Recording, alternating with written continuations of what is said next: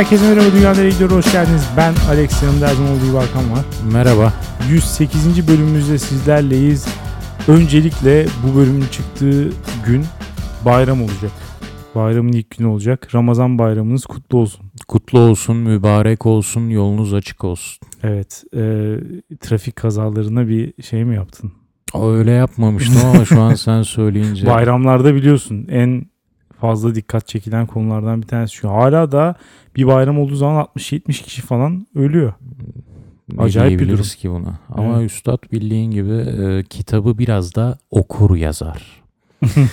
Yazarın niyet etmediği anlamlar Evet. okuyucun zihninde canlanır. E, hangisi ayırt edemeyiz. Evet. Evet.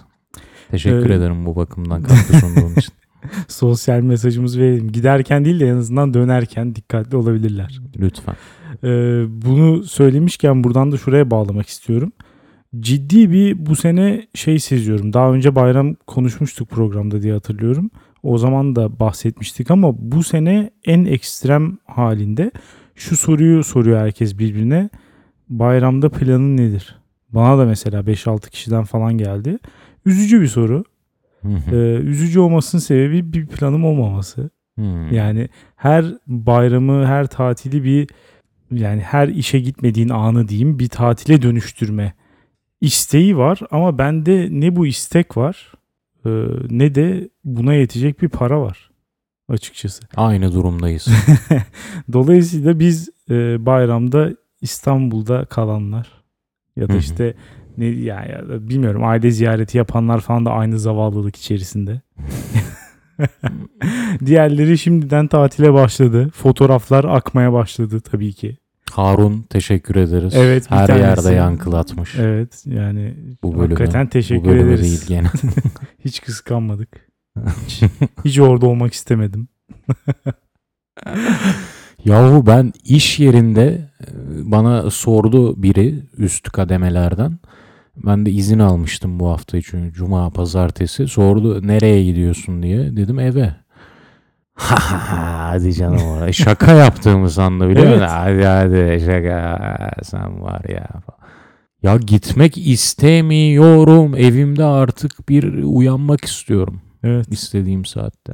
İşte yani evet, der- az önce söylerken onu kastetmiştim. Yani hem buna yetecek bir kaynak sıkıntısı yaşanıyor. Her yani her tatili bir tatile dönüştürecek bir para yok. Hem de e, böyle bir motivasyon da yok bende hakikaten. Çünkü bir tatil planlamak, uçağa bin, şuraya git bilmem ne falan bunu şu an yaşayamam yani. Fazla yorucu geldi bana açıkçası tatil yapmak. Doğru hissetmişsin. Evet dolayısıyla evdekilere de buradan biz bir selam yollayalım. Unutulanlar, kıyıda köşede bırakılmış olanlar. Geçtiğimiz bölüme bakalım. Rüyalar dünyayı iyiye götürüyor çıkmış %65 ile. Ciddi bir yenilgi diyebiliriz senin açından. Üzücü bir durum. Neden insanlar ya bunu tabii sosyolojik olarak da incelemeye tabi tutabiliriz. Kötü zamanlarda ülke olarak, dünya olarak e, kötüye gittiğimiz zamanlarda demek insanlar rüyalara sığınıyor. Diyebiliriz yani sıkıcı zamanlarda eğlenceli bir kaçamak haline geliyor olarak. Dolayısıyla ben bunu bir yenilgi değil, gizli bir zafer Yenilgi yenilgi büyüyen bir zafer vardır mı diyorsun? doğru diyorsun. Dünyaneregidiyor.com'a gelen yorumlara bakalım. Rica etmiştik bölümü dinleyenlerden garip rüyalarını yazmalarını. Sağ olsunlar hiç bizi hayal kırıklığına uğratmamışlar. Bir tanesi demiş ki bir keresinde rüyamda sazlıkların arasında bir göl evinde alacakaranlık vaktinde kendimi şarkıcı Gülşen zannederek dürüm yemiştim. yani dürüm yemek için daha iyi birisi olamazsın. Yani şarkıcı Gülşen iyi dürüm yer gibi gözüküyor cidden. İlginç, Evet. ilginç bir rüya. Evet. Başka birisi demiş ki bu sene gördüğüm iki rüyadan sonra bir daha rüya görmek istemiyorum mümkünse. Birinde büyük bir zevkle insan öldürdüm hem de tornavidayla. Oh, Yuh hakikaten. Uyandığımda şoktaydım. Yani bir zahmet. İkinci rüyamda fuhuş çetesinin elindeydim ve adamın biri pissing fantezisini gerçekleştiriyordu. Uyanıp kendimi duşun altına atıp ancak kendime gelebildim. Eğer öyle bir terim varsa rüya fobi oluşacak neredeyse bu korkunç rüyalardan sonra demiş. Ee, hakikaten oluşabilir yani. İkincisi daha kötüymüş. Yani, Ama ne abi yalan çok söyleyeyim. bir şey ya. İlkini anlatınca da nedense ilk tepkim acaba rüyalarda da bir ceza kavramı doğmalı mı? Rüya polisliği başlamalı mı diye düşünmedim değil. Çünkü tornavida biraz çok kişisel bir öldürüş biçimi. Evet biraz fazla geldi bana. Ya onun içinde biraz bir zevk var yani. Böyle karşıdan vurmak falan bunlar belki affedilebilir rüyada ama tornavida ile gözüne sokmak Ertesi gün ev hapsi. acaba bir günlük evet, bir ev hapsi olabilir belki. bir mahkeme kurulmalı mı? Evet. Rüya mahkeme. Rüyada mı yargılanmalı diyorsun? Yok gerçekten. Ama o zaman söylemez kimse. itiraf etmez böyle bir rüya gördüğünü. Kanundan teknoloji kaçmak isteyen kaçar. Ee, öbürü de yani bilmiyorum. Hakikaten rüyanın en kötü tarafı o bence. Yani gayet masum bir şekilde ertesi gün hayatına devam etmek üzere şarj olmak için uyuyorsun. Uyuyorsun. Sonra bir anda gece gerçekmiş gibi birisi suratına işiyor. Yani bu, bu nasıl bir şey ya? Bunu hak edecek ne yaptık abi? Kimse böyle bir şey hak etmiyor yani. Kötüye götürüyor dedik. Bu bakımdan gerçekten öyle. İki prens babası demiş ki az buçuk uzman olarak sinir bilim doktorası yapıyormuş.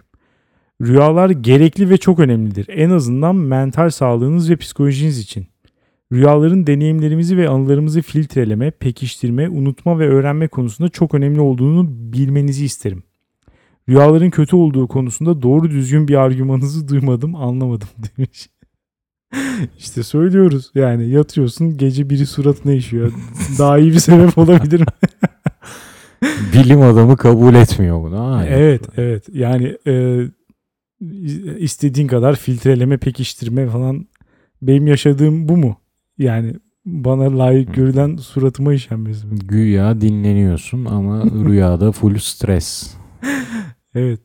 Bu arada saçma sapan rüyalar konusunda İlver Ortaylı ile beraber Halil Nalcı'nın vefatına hüngür hüngür ağlayarak uyanmıştım. O kadar üzülmüştüm ki uyandığımda hala gözyaşı döküyordum demiş. Fena değil bence bu. Yani Ya şimdi böyle rüyalar görüyorsan evet. evet. İki prens babası, az buçuk uzman, rüyaları da kalite. Gibi gözüküyor aynen. E, onu Acaba bir önceki yorumcuya soralım bakalım. Evet. Dinlenebildi mi? Kendini yeniledi mi? Sanmıyorum. Baksana sonra uzun bir duş almak zorunda Mental kalmış. sağlığını ne kadar koruyabildi? Ya acaba nasıl bir yatakta uyuyor? Mesela bunun etkisi olabilir mi? Yani güzel yastıklara yatıyorsa falan. Birinin senin suratına işemesine sebebiyet verebilecek nasıl bir yatak var? Abi misafirlikte kanepede yatıyorsan falan belki olabilir. Çok rahatsız uyursun ya orada. Yo o kanepeler aslında bence yattığın yer ne kadar rahatsızsa rüya skalan o kadar daralıyor. Öyle mi diyorsun? Evet. Çok kötü Hep- bir şey göremezsin. Hmm. Olabilir. Genişlikten ne dedik? Sınıfsal bir boyut da var bu rüyalarda. ne kadar üst sınıftaysan gitgide rüyalara dalıyorsun. Çünkü senin artık ilgini çeken onlar. Hayatta maddi bir kaygın kalmamış. Manevi dünyayı kendine kaygı ediniyorsun. Halil'in alacağı ağlıyorsun sonra. Ha işte. Demiş ki Alex geçmiş olsun merak etme ilk dinleyişte o kadar da antipatik değilsin ama Hakan öyle demiş. Teşekkür ederim. Ama seni de tanısa tam tersini söyler. Ya ikimiz de tanısa tam tersini söylerdi bence. Tersini kuramadım şimdi kafada ama Benim devam antipatik edelim. olduğumu senin sempatik olduğunu söylerdi. Benim tecrübelerim buna işaret etmiyor ama Ee, Jung demiş ki teşekkür ediyoruz bu arada bizi bu kadar önemseyip koskoca Jung yani. Mezarından çıkıp yorum yaptı işte. Rüyaları anlamlandırma çabasının beyhudeliği konusunda Hakan'la hemfikirim. Ancak nadir olarak üzerimde çok farklı bir etki yaratan rüyalar gördüğüm oluyor. Normalden daha canlı üstelik yerine göre şok etkisi yaratacak ölçüde. Standart rüya rutini içindekiler gibi bir çırpıda unutulmayanlardan. Bu durumun sadece bana özgü olmadığını düşündüğümde insanların da neden böylesi bir anlamlandırma çabasına girdiğini anlar gibi oluyorum. Özellikle insanların kaybettiği birisini rüyasında gördüğünde sanki o kişinin gerçekten rüyasında olduğunu iddia edercesine melodramatik bir karaktere büründüğüne şahit oldum. Ee, ben bu arada hiç sevmiyorum. Daha önce ben de kaybettiğim kişileri rüyamda gördüğüm falan oldu. Ee, berbat bir his. Yani Evet. 10 kişilik bir çiş çetesi tarafından suratıma işenmesini tercih ederim yani. yani boğulma falan, çişte boğulma falan. Bunlar daha iyidir yani. Anonim demiş ki küçükken ara ara gördüğüm bir rüya vardı. Gece geç saatte annemle babamın yatağındayım. Odaya elinde silahla Kayahan giriyor ve annemle babamın üzerine silah doğrultuyor. Benim bir tanesini koruyup kurtarmam gerekiyor ve annemi seçiyorum. Kayahan hepimizi tehdit ediyor. Bütün bunlar olurken Kayahan'ın büyük kızı koridordan bizi izliyor. Genelde kimse ölmeden uyanıp annemi seçtiğim için büyük bir suçluluk duygusu duyardım. Ya çok kötü ya. Bu bir travma. Ya niye Kayahan seni annenle baban arasında bir seçime zorlasın? Bilmiyorum niye Kayahan bir kere her şeyden önce. Orada duralım yani devamına gerek yok. ya, ya oluyor işte böyle şeyler rüyalarda. Ama belki mesela şu açıdan faydalı olmuş olabilir mi bu yorumu yapan dinleyicimize? Annesi de babasından hangisini daha çok sevdiğini böylece anlamıştır. Niye bu? Ya sen de anlam çıkarmaya başlıyorsun işte. Belki rüyasında Kayahan'a e, herkesin söyleyeceği cevabı söyleyip onu bir anlık gaflete uğratıp bir afallatıp silahını alıp Kayahan'ın kızını öldürecek. Salladım şimdi bilmiyorum da neden bu rüyadan anlam çıkarmaya çalışıyoruz? Neden bu yorumcu annesini daha çok sevdiğine inansın? Sırf Kayağın ona yatakta silah dayadı diye ya yapmayalım artık çıkarmayalım şu anlamları. Ve de üzüyor tabii. Sonra da üzülüyor. Sonra da belki gidip babasına sarılıyordur Hmm. uyanınca. İyi bir şey aslında yine. Nasıl? Ya, bilmiyorum Yani geçelim. rüyasında babasını üzdüğü için gerçek hayatta mutlu etmeye çalışıyordur falan. İyi tarafından bakmaya çalışıyorum. %65'in bir bildiği vardır diyerek. Once upon a time there was a Rıdvan in me too. Ee, ya da ha Rıdvan in me too belki de ODTÜ bilmiyorum. Merhabalar. İki tane olaydan bahsedeceğim. Birincisi küçükken gördüğüm inşaat halinde bir binada başlayan kötü yerlere gidiyor. Dört kişilik arkadaş grubumla beni kovalayan kötü adamlardan kaçtığımız bir rüya vardı. Elimizde fotoğraf albümleri var ve elimizden yere düşüyor. Hepsini toplayacağız derken zaman kaybediyoruz ve fotoğrafların kötü adamların eline geçmemesi gerekiyor. Bu rüyayı hala görürüm. Dizi şeklinde devam ediyor bölüm bölüm. Hala kaçıyoruz. İkincisi Inception filmindeki gibi rüya içinde rüya görüyorum. En son rüyamda Karabasan geldi.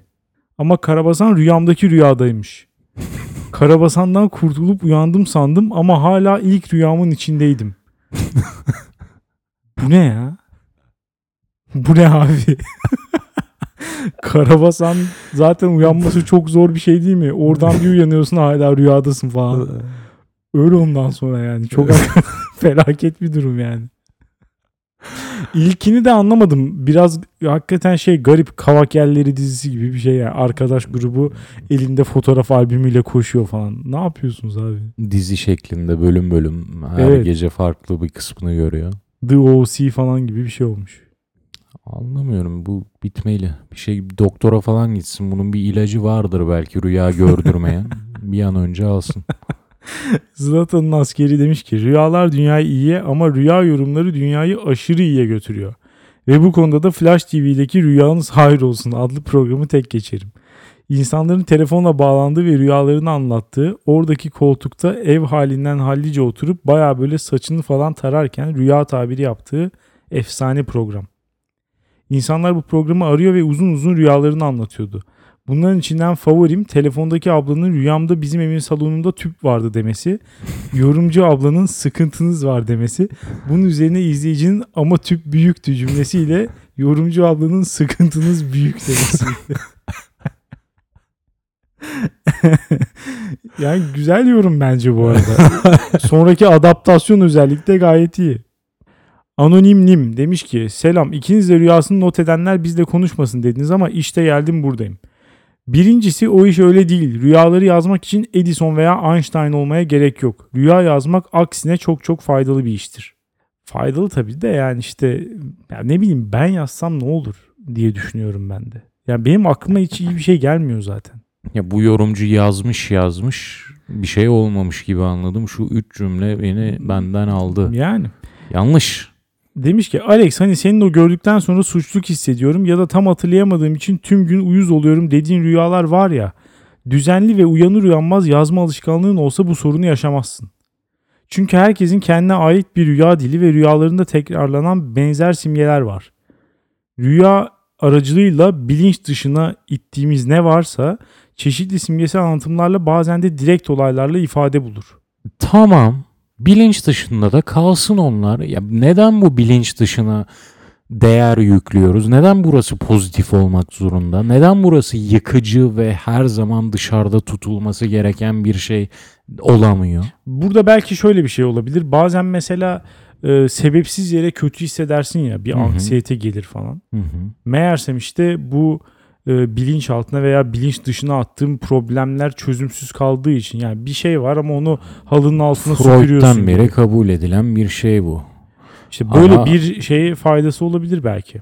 Katılmıyorum. Belki de olmayabilir. Henüz bilmiyorum. Belki de orayı yeterince uzaklaştırabilirsen sorunların da gidecek. Belki de.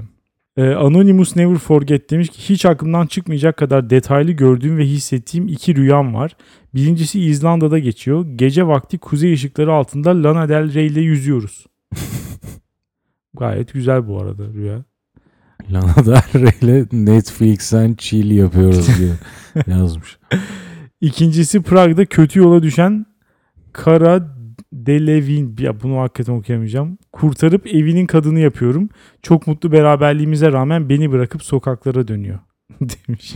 sokaklara dönme. bu da kötü değil bu arada bence. Bu arkadaşın rüyaları iyiymiş ve genelde de e, sanırım beğendiği kadınları görüyor rüyasında. Wait Rose demiş ki e, yorumu biraz uzun ama tavsiyesini söyleyeyim. Melatonin tableti aldığı zaman çok ilginç rüyalar görüyormuş. Hmm. Mesela bir tane rüyasında e, abisiyle evlenmiş. Hmm. Hem gay hem ensest ilişki. Hakikaten garip yani. E, son olarak Asil demiş ki merhabalar sizi yeni keşfettim. Çok iyisiniz ama benim şöyle bir problemim var. Sizi ilk dinlediğimde Hakan'ın sesini Serdar Kuzuloğlu'na, Alex'in sesini de İlker Canikligil'e benzettim ve sizi öyle hayal etmekten kendimi alıkoyamıyorum. Beni o ikili olmadığınıza ikna eder misiniz? Ee, niye böyle bir görevimiz var bilmiyorum. İkna, hani tersine ikna etmek gibi bir görevimiz var. Sen bize gel. Kuzuloğlu'nu duymuştum da diğeri kim? İlker Diğeri defa. de ya o da şey yönetmen aynı zamanda şimdi YouTube programı falan yapıyor işte filmlerle dizilerle falan ilgili. Hmm. Ee, ikisi de çok haz etmediğim çarlar açıkçası. Hmm. Yani o yüzden bilmiyorum. Değiliz ya. Yani baş daha ne diyelim ben. Beni ikna edin ne yani? ne yapabiliriz? Fotoğraf mı atalım? Yakında. Aman spoiler olmasın. ee, istersen konularımıza geçelim. Geçelim. Ben Buyur başlıyorum. lütfen. Bu Başla. hafta oldukça yakıcı bir problemle geliyorum. Hmm. Benim için hakikaten önemli bir konuyla geliyorum. Konu şu, kaliteli soslar bence dünyayı iyiye götürüyor. Kaliteli sos. Evet, kaliteli kısmı çok önemli gerçekten. Kaliteliyi biraz açmamız gerekiyor. Ham maddesi mi karışım ne? Hiç uzatmaya gerek yok. Kaliteli sos Heinz'dir. Direkt bu kadar net bir şekilde ortaya koyalım. Sos derken ketçap, mayonez, barbeküden bahsediyorum. Geri kalanlar ya geri kalanların da güzeli güzel oluyor ama bunlar çok acil çözülmesi gereken problemler olduğu için Hmm. ketçap, mayonez, barbeküyü bir öne alalım istedim Hmm. açıkçası. Yani şöyle oluyor bazen. Mesela en son öğle yemeği yemişim. Ofisteyim. İşte saat 6'da falan çıkmışım ofisten. İnsan böyle bir acıkıyor değil mi? Güzel bir şey yemek istiyor bazen. Evet. Ee, benim de çok acıktığım zaman böyle go to yemeğim. ilk yemek istediğim şey hamburger olur çoğu zaman. Hı hı. Hamburger yemek isterim yani.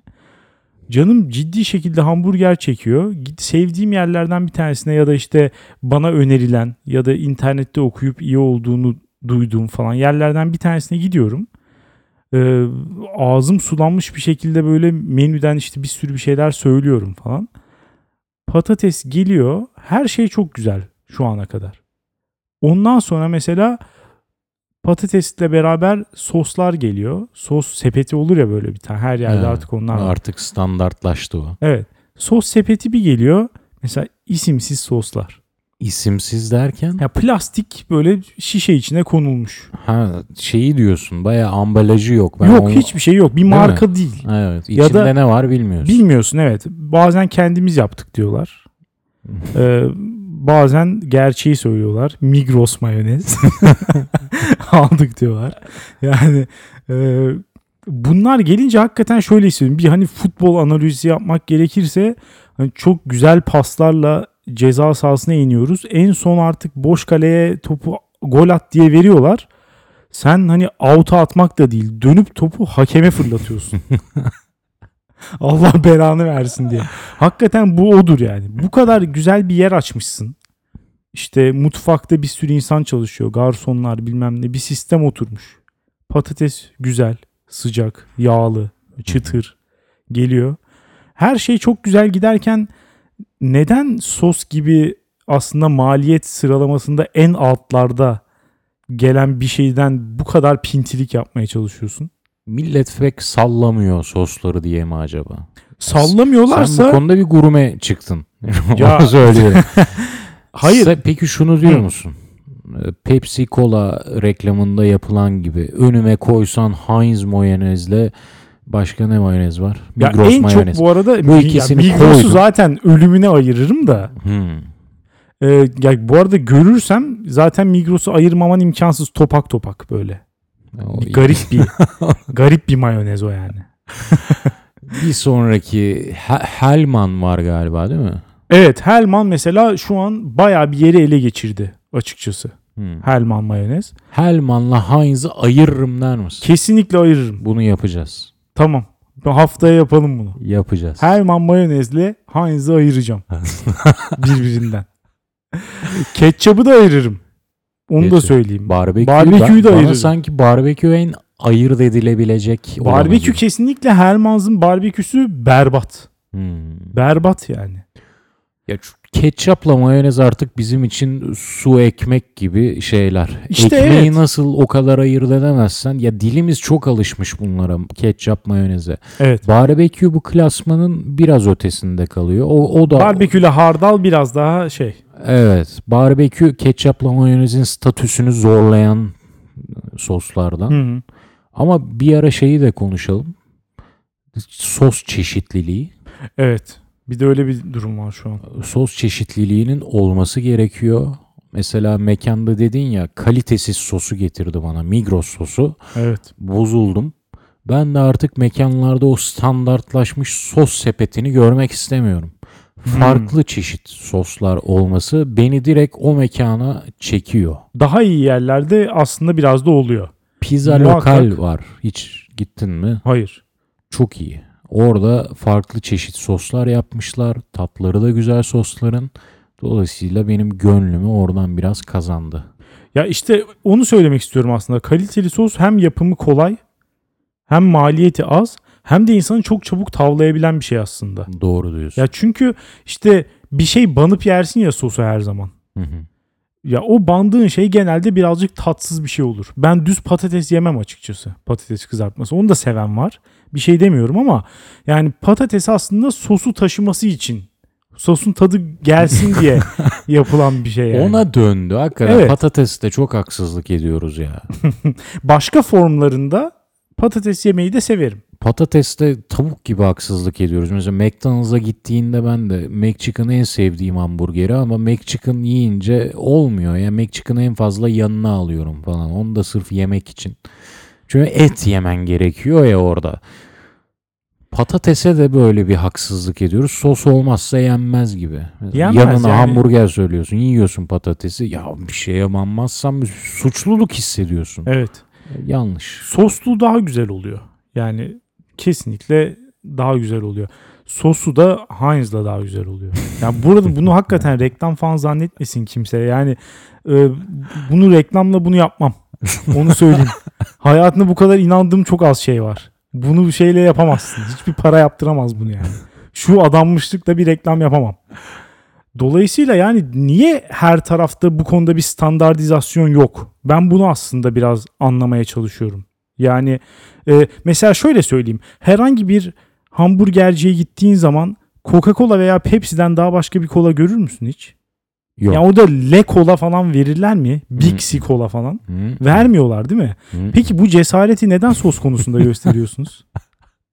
ne yapalım yani? Yıkalım mı mekanı? Ne istiyorsunuz kardeşim ya? Her taraf Coca-Cola ise her tarafta Heinz olması lazım yani. Artık bunu bu konuda şeye gerek yok. Ee, Ne diyeyim yani rekabete yeni bir arayışa falan yanına mesela bak Heinz olsun ketçap mayonez barbekü Heinz olsun. Sen yanına ev yapımı hardalını yap. işte trüflü bilmem ne sosunu yap. Ranch sosunu yap. Ev yapımı falan. Bunların hepsine okeyim. Ama gelip de bana Heinz mayonez yok. Biz kendi mayonezimizi yaptık dersen benim yüzüm düşüyor. Zaten hani 10-0 geride başlıyorum mücadeleye. Ya ama şimdi ev yapımı mayonez de bana çok çekici geldi şu an sen Ya söyleyince. güzeli güzel oluyor ama o da olsun ki ben hani beğenmezsem ona dönebileyim. Mesela ev yapımı sarımsaklı mayonezler falan bayağı güzel oluyor Hı. bazı yerlerde. Ama bazı yerlerde deniyor ve tutturamıyor. Dolayısıyla benim bir şeyim olması lazım. Güvenliğim olması lazım. Hakikaten sebep nedir? Maliyet midir sebep? Kesin. Lütfen hamburgerleri birer lira zam yapın ya. Heinz en pahalısı mı? Evet. Hmm. En pahalısıysa bir sebebi var. ya biz bilmiyor muyuz? O zaman ulan her ma- malzemenin en kötüsünü al. Tamam mı? Öyle yapıyorlar. bu. E o zaman hamburger ekmeğini de Uno al. Uno hamburger ekmeği al yerken elinde parçalansın. Bu seneler önce en keyif aldığım şu hayattan anlardan biri Sağlık Bakanlığı o toynak raporunu yayınladı ya. Evet. Bu Karaköy'deki kazık hamburgercilerden bir tanesi de isim verelim mi? Ya bu- Verelim. bu se- Baltazar. Bunların içinden toynak çıktı ya hamburgerlerin. Millet bayıla bayıla gidiyor Tadı da fena değil bu arada gerçekten. toynağı yemişler belli değil. Ha, Buradan nereye, buradan nereye geleceksin onu anlamadım. Nereye gelecek? Ha zaten kalitesiz malı hepsinde kullanıyorlar. Ha. Ete de bir şey karıştırıyorlar. E, mayoneze de Allah bilir Heinz'i alıp biraz içine Migros katıyorlar. Bu arada bundan da çok ciddi şekilde şüpheleniyorum. Çünkü bazı yerlerde de şöyle bir fazla sos duyarlılığı. Yani hani ben restoran açsam öyle yaparım dediğim yerler var. Bir yandan hoşuma gidiyor. Bir yandan da bir şüphe duyuyorum. Çünkü mesela şöyle bir şey var. Ya gidiyorum gelen her mayonez yeni açılmış kadar dolu. Hmm. Ya o zaman benim aklıma bir kuşku girmeye başlıyor. Ulan nereden dolduruyorsunuz bunları sürekli? Yani bir depo falan? Böyle bira gibi acaba şeyleri mi var Fıçı. diyorsun? 5 kiloluğu falan. İşte Vardır o 5 muhtemelen. kiloluğu olan mayonezler genelde nelerde oluyor biliyor musun? Mesela Üsküdar'daki bu boktan büfeler var ya. Sosisli. sosis demeyelim ona. Sosis kreması. sosis aromalı krema. Katı değil çünkü o yani. sosis görüntüsü var sadece. Ağızda Renk dağılıyor falan. işte, daha ne Dağılıyor, istiyorsun? Evet. Aynen öyle. Ee, orada falan sürüye- yapıyorlar mesela. su- Ekmeğe sürüye sosisli. evet hakikaten öyle. Şeyden tüpten çıkıyor gibi. Orada mesela hakikaten hep şey ya 10 kiloluk kazandan böyle bas bas bas Hmm. yapıyor şeyin içine ekmeğin içine.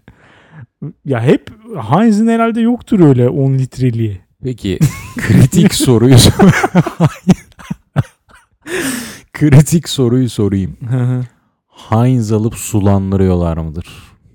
Kim buldu bu sulandırma işini? Kim buldu? Hangi pezevenk buldu bunu? Hangi cin fikir, cin göz buldu bunu? Vallahi ya yapıyor olabilirler ya. O bilmiyorum bak sulandırılmış Heinz bile diğerlerinden daha iyi. Daha mı iyi? Onu söyleme evet daha iyi. Çünkü o büfeleri falan düşündüm. Oralarda soslar biraz sulu. Şu an hayalime sulu geldiler biraz. Abi O ketçapı her şey sıvı ya gerçekten. gerçekten düşünüyorum şu an. Hani ketçabı sıkıyorsun. evet. yapıyorsun. Evet, evet, Önce aynen. bir su dalgası yayılıyor etrafa. Tabağın içine ediyor su. aynen. Sulandırıyorlar lan bunlar kesin. Herhalde öyle ya. Mesela onların da aslında kaliteli sos kullanması işlerine gelir. Neden? Çünkü yaptıkları tavuk döner mesela ya belli ki başka bir şeyler var içinde. Tavuk değil yani. Hani bunu artık herkes anladı. Evet. Bu konuda kimseyi kandıramazsınız yani. Tavuk fiyatlarını görüyoruz. Tavuk döner fiyatlarını görüyoruz. Küfür yani. Olamaz böyle bir şey. Ondan sonra ekmek arası tavuk döner yapıyorsun ya da işte pide arası falan. Lan tadı bok gibi oluyor yani. Bir de böyle püriten tipler vardır ya işte dönere ketçap mayonez mi koyuyorsun falan. Hmm. Ulan nerede döner yiyorsunuz ya? Her gün Bayramoğlu'nda mı yiyorsun yani? Koymayan kaldı mı? Ya koymayan var işte bu şeyler.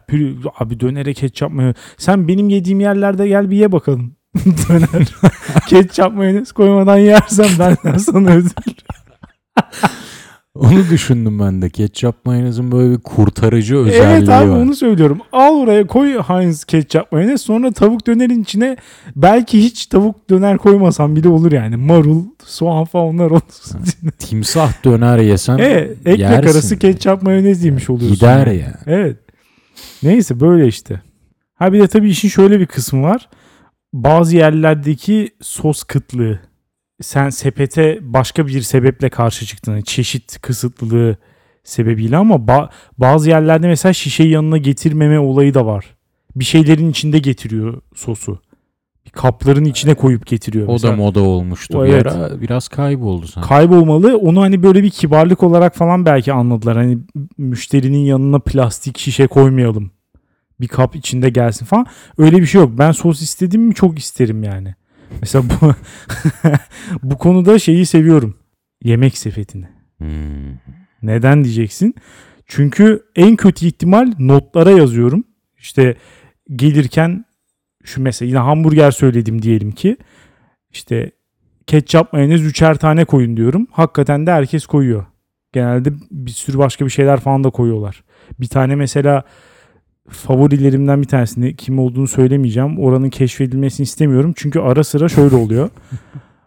Gerçekten bak ara sıra şöyle oluyor şu an aşırı yoğunluktan dolayı servis veremiyoruz diye bir yazı çıkıyor yemek sepetinde. Buradan başka hiçbir yerde görmedim. o Ben- kadar ben- şey ki hakikaten çok iyi getiriyorlar. Onlar mesela hem sos koyuyor hem de yanına bir yumiyum. Yani şunun kim akıl ettiyse 25 kuruşa benim günümü düzeltiyor. Yumiyumu gördü mü ben ben de bir yumiyumlaşıyorum yani. Minimum Yumuşuyorum. maliyete mutluluk. Evet. Peki İkram, sos ikram. Gönderin ya. Sosa boğun bizi. sana iki çok önemli sorum var. Tamam. Bir, yemek sepeti notlarına merhaba ile başlayıp iyi akşamlarla bitiriyor musun? Hayır. Veya iyi günler. Direktif. Direktif yazıyorum ben.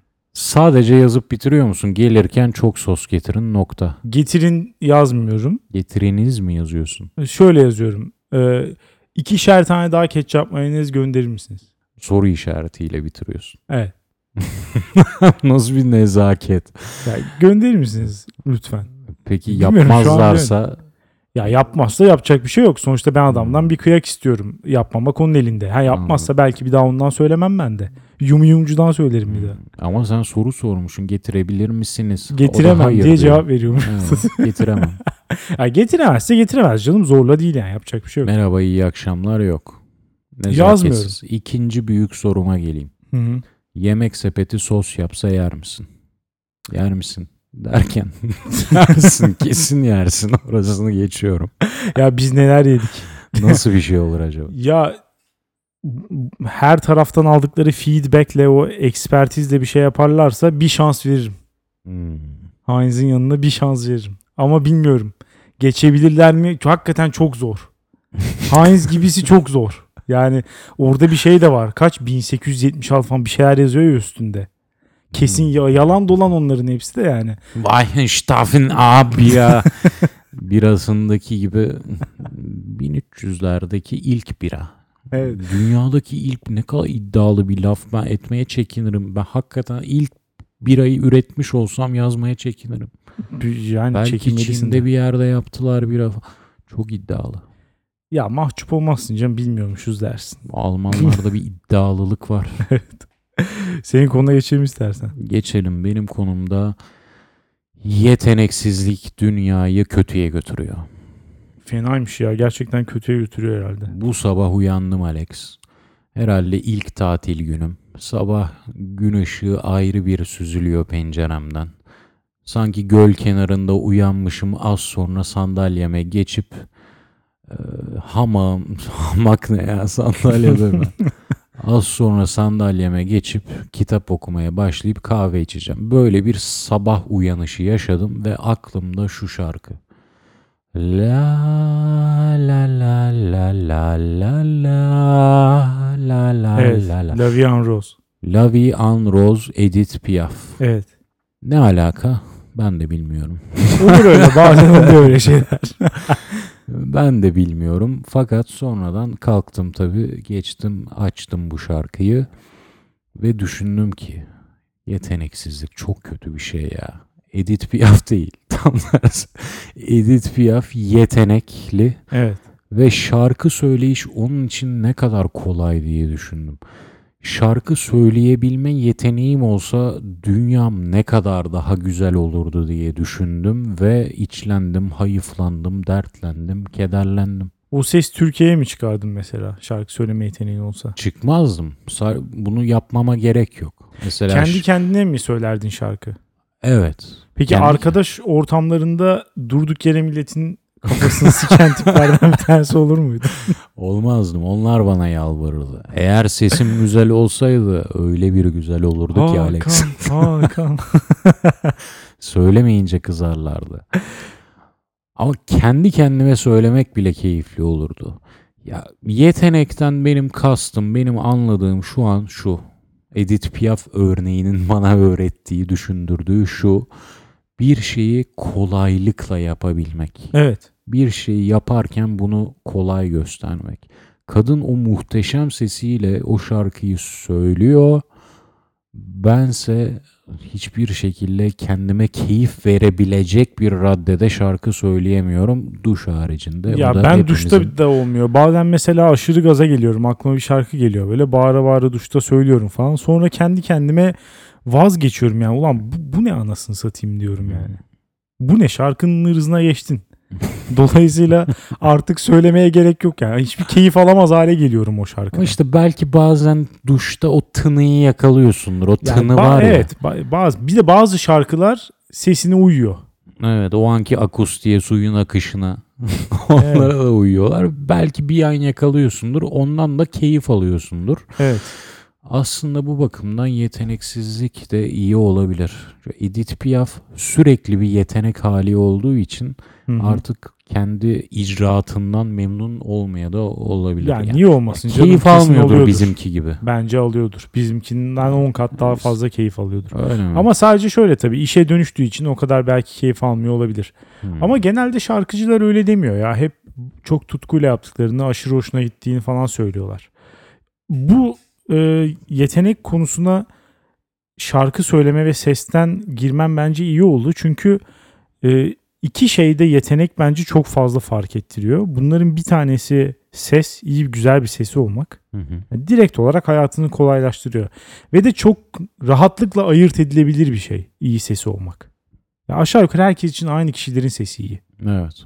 Kimse çıkıp da yani neyse örnek vermeyelim ama yani işte? Arto'nun sesinin iyi olduğunu söyleyen yok yani. Ona eğlendiriyor falan diyorlar. O çok büyük bir avantaj sağlıyor. İnsanı hemen bir bir de çok para var tabii ki Hı hı. ün var işte para var bilmem ne. Bir ikincisi de sporlar yetenek konusunda.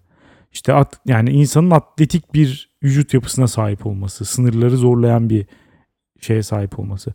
Bunlarda yetenek gerçekten e, işte hep şöyle bir tartışma vardır ya yetenek mi yoksa çok çalışmak mı falan. ya şu tartışmayı yapan hakikaten siktirsin gitsin ya. Hangi dünyada yaşıyorsunuz abi? Hangi çok çalışmadan bahsediyorsun ya? Ben ne kadar çok çalışsam ne, ne yapabileceğinizi bu olay hakikaten e, garip garip bir durum. Bunu da psikolojiye başvurmadan gerçekten açıklayamıyorum. Yo yo. Sen çalışmak nereye kadar dedin? İkimiz farklı yerden yaklaşıyoruz galiba. Herkes şu soruyu elini vicdanına koyarak kendine sorsun. Bir yere çok çalışarak mı gelmek isterler Yetenekle mi? Gelecekleri yer aynı bak. Aynı dağın zirvesine tırmanacaklar. Çok çalışarak mı yoksa yetenekle mi gelmek Ya o da istersin? var tabii ki. Yetenekle Hangisi? gelmek istersin. Yetenekle yani. gelmek Evet. isterim tabii ki ya. Ya çok çalışmak biraz şey amele işi gibi oluyor. Hiç Evet. cool değil gerçekten. Çünkü yetenek hayata keyif de katıyor. Dediğimiz gibi Edith Piaf yaptığı işten keyif alıyordur kendi sesini duyduğumda, duyduğum, duyduğumda hemen. yani, Özdeşleştirdin kendini Edith değiliz. Alex. Veya bir müzisyen 3 yaşında Shostakovich çalan Çinliler oluyor ya. Evet. Muhtemelen hayatı boyunca kimsenin ondan alamayacağı, çalamayacağı bir zevk sahibi. Otomatik olarak. Evet. Yetenek böyle insanın hayatına zevk katan bir şey. Çok çalışmada bu yok. Ya kesinlikle yok. Onu da Sadece başka bir gurur falan katabilir. O da boktan bir şey. Evet, başka bir zevki olduğunu söyleyebilir onlar da ama e, o zevk olsa bile zaten yeteneğin yoksa buna erişemeyeceksin kusura bakma. Hmm. Yani ben de isterdim dünya daha eşit adil bir yer olsun. Olabilir de ama bu açıdan olamaz. Yani bu kısım işte inançlıysan Allah vergisi, değilsen de genetik loto. Hmm. Yani yapacak bir şey yok buna. Şuna itiraz etmeyin artık. Yani hakikaten buna itiraz etmenin tek sebebi olarak aklıma şu geliyor. Yani bir sürü mesela bu konuyu yapacağız diye birazcık işte YouTube'da falan baktım insanlar bu konularda ne düşünüyor diye. Merak ettim. Hı hı. Çünkü bu, bu şeye tepkiliyim gerçekten. Çalışarak her şeyi elde edebileceğin fikrine. Baktım ve işte bu tartışmada eforun çalışarak gelebileceğin yerin aslında yetenekten daha daha da önemli olduğunu yani daha seni daha yükseklere taşıyabileceğini yetenekli birisinden söyleyenlerin hepsinin yanında ne yazıyor biliyor musun? Motivational. Hı hı. Yani E, Çünkü insanlığın çoğunluğu yeteneksiz. Dünyanın Evet. yüz, çok çok çok ezici ağırlıklı bölümü yeteneksiz. Evet ve de bunu da kabul etmek istemiyorlar. Ya da yani yeteneksiz olsan da bir şeyleri başarabileceğin bir dünyada yaşamış olmayı istiyorlar. Ama Hı. böyle değil. Bu kafayı yemiş astrologlar falan da var ya dünyadaki her bir bireyin özellikli olduğunu düşünüyorlar. Evet maalesef bu özel gerçek değil. insanlar. Ya 8 milyar özel insan mı olur? O zaman hiçbirimiz özel olmayız zaten. Özel dediğin belli bir kümeyi işaret eder. Aynen öyle. Mesela a- aynı kişiler aynı kişiler karşılaştırma yaparken de çok garip şeylere tutuluyorlar. Mesela işte futbolda hep şöyle bir tartışma vardır ya bu örneği çok rahatça vereceğim çünkü hani aşırı popüler kültür ve bilmeyen kimse yoktur. Messi mi Ronaldo mu Hı hı, diye tartışırken hep Messi yetenek tarafıdır. hı hı. Ronaldo da çalışma tarafıdır. Değil mi? Evet. Ama ya insanlar tabii tuttukları yere göre işte o halatı birbirlerinden çekiyorlar ve çektikçe uçlara gidiyor. Sanki hani Messi hafta boyu evde pinekleyen maç saati gelince saatine bakıp şöyle "Ha, yarım saat kalmış ya ben bir stada gideyim falan deyip oynayan bir adammış gibi.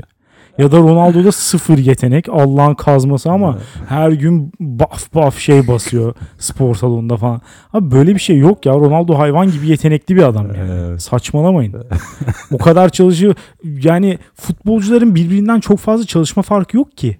Buradan mesela çok net anlayabiliriz aslında yeteneğin ne kadar özellikle sporda ne kadar önemli olduğunu. Herkes aynı antrenmanlara çıkıyor. Hı hı. Yani hele bugünkü dünyada hepsinin özel hocaları var. Daha fazla çalışmaları için kulüpler onların üzerine baskı yapıyor falan. Hepsi milyon dolar ama bir tanesi 1 milyon dolar ediyor. Bir tanesi 100 milyon dolar ediyor. Hı. Ya bunun sebebi yetenek işte. Ve bunların ortak özelliği yaptıkları işi kolay göstermeleri. Tabii. Bu bunu istiyorum ben Alex ve buna sahip olabileceğim hiçbir alan yok dünyada. Bir şeyi aşırı kolaylıkla yapıp zevk alabileceğim bir şey üretmek. Yok bu, bu beni çok üzüyor. Maalesef beni de üzüyor. Ben de aynı e, dertten muzdaribim. Bir de e, kendi adıma konuşayım. Şöyle de bir ölümcül karışım var bende. Yeteneksizlik artı tembellik. Hı hı. Çünkü mesela yeteneksizlik ve çalışkanlık seni ortalamaya belki yaklaştırabilir. Hı hı. İşte götünü yırtarak olur ama sonuçta bir şeyleri iyi bir şekilde yapabilirsin. En iyisine asla ulaşamazsın. Belki ortalamanın üstünde bile çok zor ulaşırsın ama kotarırsın. Ortalama bir piyano çalıcısı, piyanist olabilirsin. Evet. Ortalama. Evet. Ben olamam. Çünkü çalışamıyorum yani. Denedim olmadı. Evet, Olmuyor, çalışamıyorum Denedin yani, zaten. Gördük. Olamadın. Sana küçük Mozart dedik. evet. Maalesef. Aylarca belki senelerce. Olamadın. Doğru diyorsun bu bakımda. Küçük Ercan Saatçi falan demen gerekiyor. Ama şu şiir de benim aklımdan çıkmıyor hep. Can Yücel'in olması lazım. Bilemiyorum değilse erke bütün insanlıktan özür diliyorum. bütün enstrümanları biraz biraz çalabiliyorum ama hiçbirisinde ihtisaslaşamadım. Yani hiçbirisini top seviyede çalamadım. Hiçbirinin falan gibi. virtüözü değilim mi diyor. Ah tamam o kelimeyi arıyordum ben de. Teşekkür ederim. Hiçbirinin virtüözü değilim gibi bir şey. Üzücü. Bu bile en azından bir yetenek göstergesi ama. En Evet. azından hepsini birazcık çalabiliyor. O bence hiçbir şeyi göstermiyor. ya o Merak göstergesi olabilir belki. Hepsini bir ara sarmış ama Evet. hiçbirini becerememiş. evet. Yani Belki böyle diyebiliriz. her çiçekten ufak ufak bal toplamak kötü. Bir çiçeği efendime söyleyeyim suyundan bile bal üretir hale gelene kadar onu mahvedebilmek, o yeteneğe sahip olabilmek Tabii mahvetmekle yeteneği neden aynı cümlede kullandım bilmiyorum ama kötü bir analojiyle başlayınca böyle maalesef kötü yerlere gidebiliyorsun. Ama anladın sanırım demek evet tabii istediğimi. tabii. Ya Bir şey olsun ki o işte inanılmaz yetenekli ol. Bu çok az insana yine maalesef bahşedilmiş kimin tarafından olduğu belli değil Evet. bir güzellik. Ya bir de şöyle bir durum var. Biraz da rahatlatıcı bir tarafı olabilir belki. Ee, yeteneğin önemini kabul etmenin. Yani sürekli çabalamak yerine ben onlara yetişebilirim diye düşünmek yerine onu pas geçip yani yeteneğin olmadığını fark ettiğin anda onu yapmayı bırakıp başka bir şeye yönlenebilirsin belki. Ya o da şu bakımdan kötü. Hani Bu motivasyonel konuşmacılara tamam boku attık ama şöyle bir artı var. Bazılarının yeteneği de sonradan ortaya çıkıyor. Bu NBA'de, basketbolda falan çok olan şey.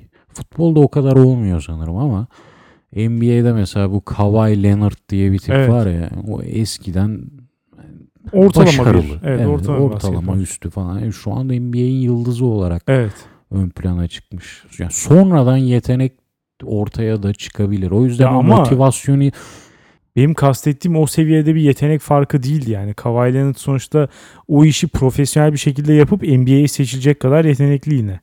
hatta şunu mu diyor? İlk Hiç öğretimde flütü yok. çalamıyorsan konservatuvara gitme hayali kurma. Kasma abi. Başka bir şey de. Anladım tamam. ben ya senin alanın o değil demek ki. Evet. Üflemeye devam etme artık yani. Bırak yılan hikayesini başkası çalsın. Ya ama işte ya da eğlencesine yap o işi. motivasyoncu tiplerin de ortalıktan kaybolmamasının bir sebebi de bu.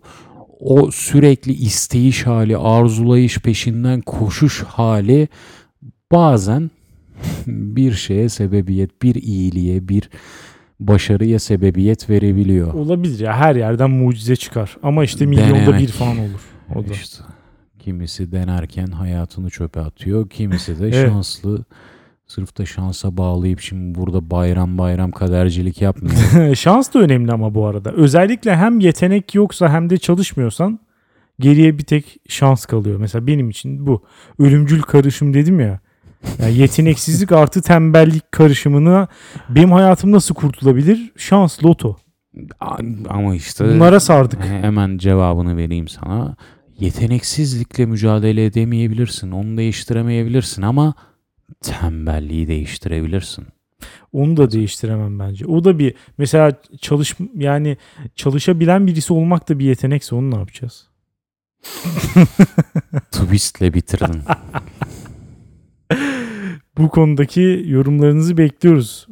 Ve şunu bekliyorum özellikle Ee, ekstrem bir yeteneği olan birisi varsa o yazsın kesinlikle.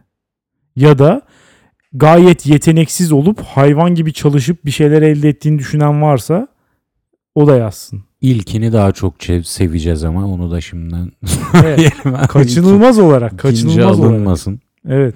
Ha, bu arada şeyi söyleyeyim en son kapatırken. Ee, Will Smith bir tane işte röportaj vermiş. Onu dinledim. işte yetenekle çalışma arasındaki farktan bahsediyor. Diyor ki işte ben çok yetenekli birisi değilim ama görüp görebileceğin herkesten daha fazla çalışıyorum. O sayede bu kadar başarılıyım falan gibi bir şey demiş de Will Smith çok kötü bir aktör. Yani ak- aktörü. Berbat hakikaten yani. İstediğin kadar çalış abi. Evet. Olmamış. Biraz daha çalış. Belki Cümle- böyle demek lazım. Cümle yanlış ama bambaşka. Onun hayalinden bambaşka yerlerden yanlış bir cümle. Evet. E, Bir de toplumda artık yetenekliyim demek e, mütevaziliğin zıttı, ukalalık, cart curt yani kötü bir şey olduğu için Evet biraz da bu da var biliyor musun? en yetenekli insanlar bile Messi'ye de sorsan e, ben buraya çok çalışmamla Kesinlikle. geldim diyecektir. Kesinlikle. Öyle bir öyle bir şey de var. Yaptığını daha farklı bir açıdan gösterme isteği. O da var bence de. Toplum olarak yeteneği bilinçaltımıza ittik. Yani dışladık. Anca böyle mütevazilik adı altında bilmem kaç filtreden geçirip Evet. bilincimize aktarabiliyoruz. Neyse ki dünyanereyegidiyor.com'da filtresiz yorumlar. No Bilinç, filter. evet, bilinç altından bilinç üstüne getirip yorumlarınızı bekliyoruz. Ankete de katılmanızı bekliyoruz. Sos konusunda da bu arada aynı şekilde. Kötü sos deneyimlerinizi de bekliyoruz yani. Ya da mesela şuranın sosları mükemmeldir falan tarzı bir şey varsa Hakan'ın yaptığı öneri gibi bekliyoruz. Yani ben çok memnun olurum bir sos aşığı olarak. Tekrardan iyi bayramlar. Dinlediğiniz için teşekkür ederiz. Haftaya salı görüşürüz. Güle güle